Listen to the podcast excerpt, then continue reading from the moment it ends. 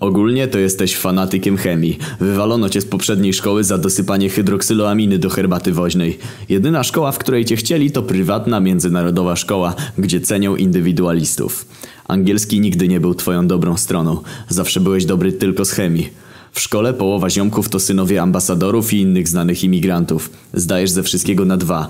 Jesteś jednym z gorszych uczniów i żeby poprawić swoją sytuację, decydujesz się wziąć udział w Międzynarodowej Olimpiadzie Chemicznej. Całe dnie uczysz się nazw chemicznych po angielsku. Pierwszy etap zdajesz bez problemu. Już widzisz, że masz szansę wygrać ten konkurs i zdobyć sławę. Wiesz, że twoim największym zagrożeniem będzie pewien Japończyk z twojej szkoły. Ziomek wygrywa olimpiady z każdego przedmiotu. Nawet jak mu źle pójdzie konkurs, to jego ojciec pisze mu odwołanie i zawsze coś wymyśli, że otwarto arkusze pół minuty przed czasem, że synowi wypisał się długopis w trakcie i uznają mu ten test. Ty i Japończyk jako jedyni przechodzicie do finału olimpiady w Londynie. Twoja pierwsza wizyta za granicą. Specjalnie idziesz z matką do Tesco kupić ubrania, w których nie wstyd pokazać się w cywilizowanym kraju. Japończyk na olimpiadę zabiera oczywiście swojego ojca. Ojciec całą drogę tylko klnie po japońsku. Za moich czasów to nie uznawali niebieskich długopisów na olimpiadach. Za moich czasów, synek, jak wygrałeś taką olimpiadę, to byłeś ustawiony do końca życia. A nie jak teraz, szkoda gadać. Próbujesz powtarzać sobie niezbędne słownictwo, ale Japończyk ze swoim starym nie dają ci spokoju. Oj, synek, a pamiętasz jak żeś wygrał tę olimpiadę w dwunastym? To były czasy, nie zapomnę tego arkusza. Mam nadzieję, że przygotowujesz się już do olimpiady z nowożytnej historii północnej Afryki, bo to już za trzy miesiące. Wiesz, że jeśli nie wygrasz, to oni będą przyczyną twojej porażki. Nadchodzi dzień finału. Ojciec Japończyka wykłóca się z komisją o nieprzepisową małą odległość między ławkami.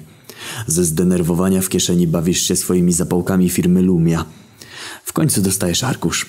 Widzisz, że jest wszystko, czego się uczyłeś. Jesteś spokojny. Wygrasz to bez problemu. Ostatnie zadanie. Wiesz, że wynik to palmitynian potasu. Ale ty nie możesz przypomnieć sobie, jak to jest po angielsku. Czujesz pot spływający po skroni. Nie możesz dopuścić, aby nieznajomość jednego słówka przekreśliła twoją wygraną. Widzisz, że ojciec Japończyka, który pilnuje konkursu, akurat flirtuje sobie z babą z komisji.